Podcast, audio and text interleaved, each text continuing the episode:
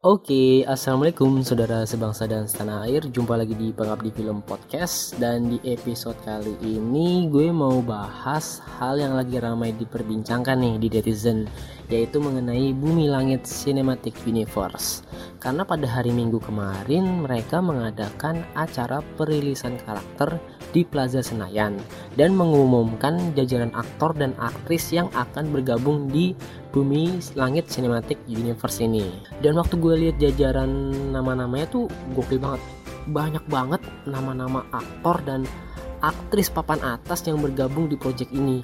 Ada Nicholas Saputra, Dian Sastro, Joe Taslim, Chico Jericho, Chelsea Islam, Pevita Pierce, dan lain-lainnya uh, mungkin gue nggak bisa ya nyebutin uh, apa ngebahas semua hero yang ada di jagat bumi langit sinematik ini karena ada lebih dari seribu karakter di dalamnya. Wah tuh banyak banget sih.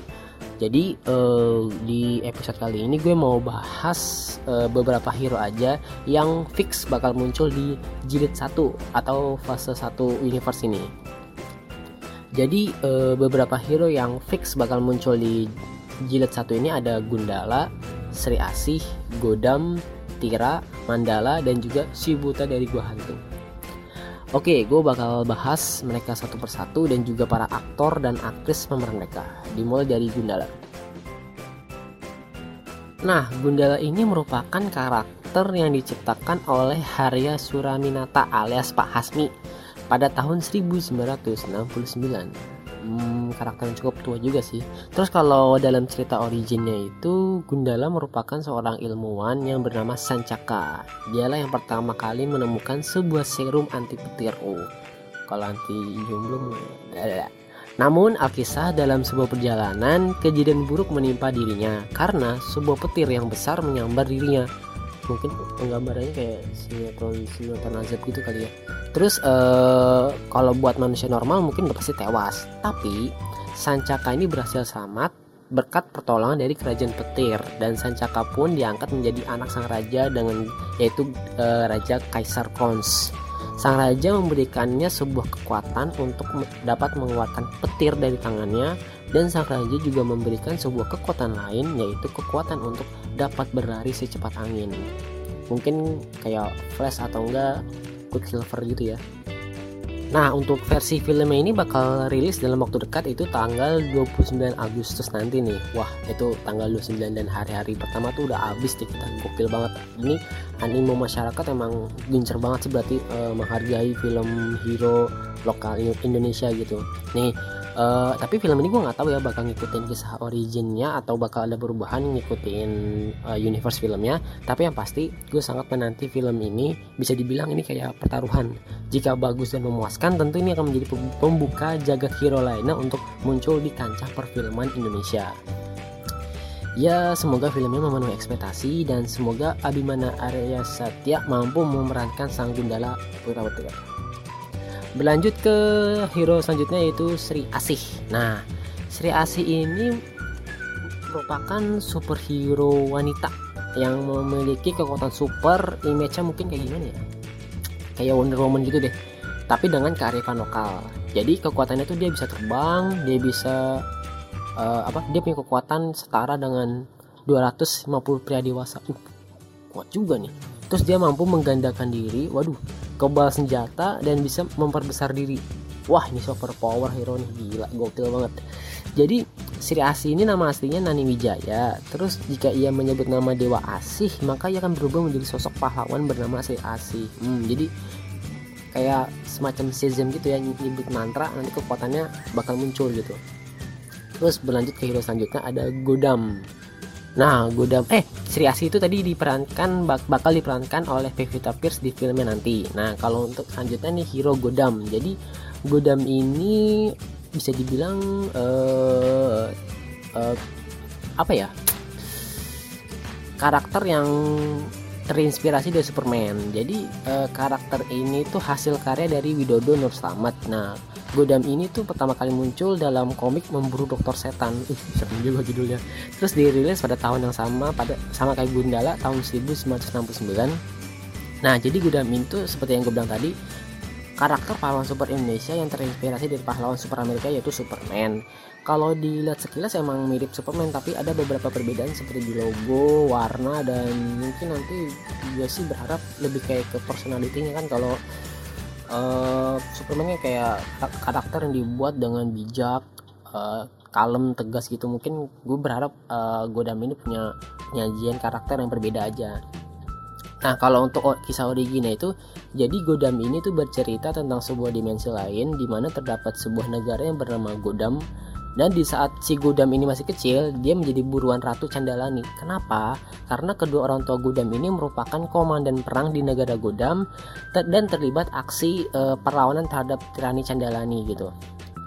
Hmm, namun Godam berhasil selamat setelah ayahnya menghanyutkannya di sungai dan ia ditemukan oleh Gedi Balbanda ini gue gak tahu yang nyebutnya tuh Gedi Balbanda atau Gedi Balbanda gue kurang tahu juga.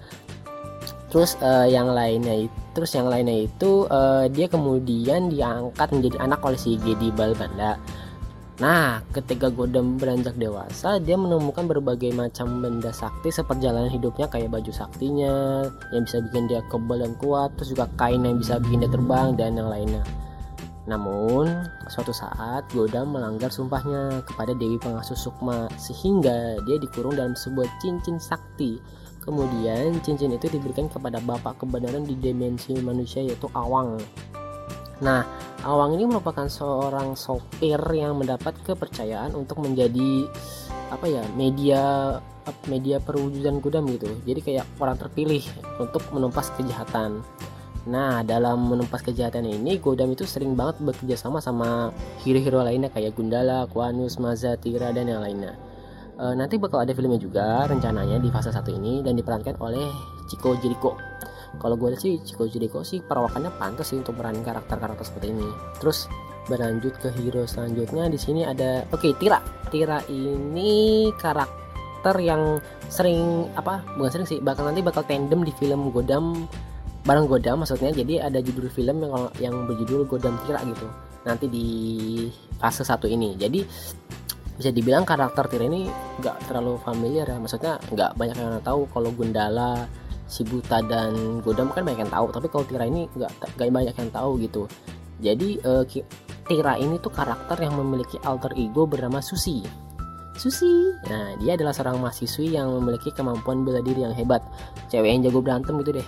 Terus saat dia menggunakan kostumnya yang berteknologi tinggi, Susi itu berubah menjadi Tira yang bersumpah untuk melawan kejahatan dan ketidakadilan. Nah, keren nih gila. Original lumayan keren.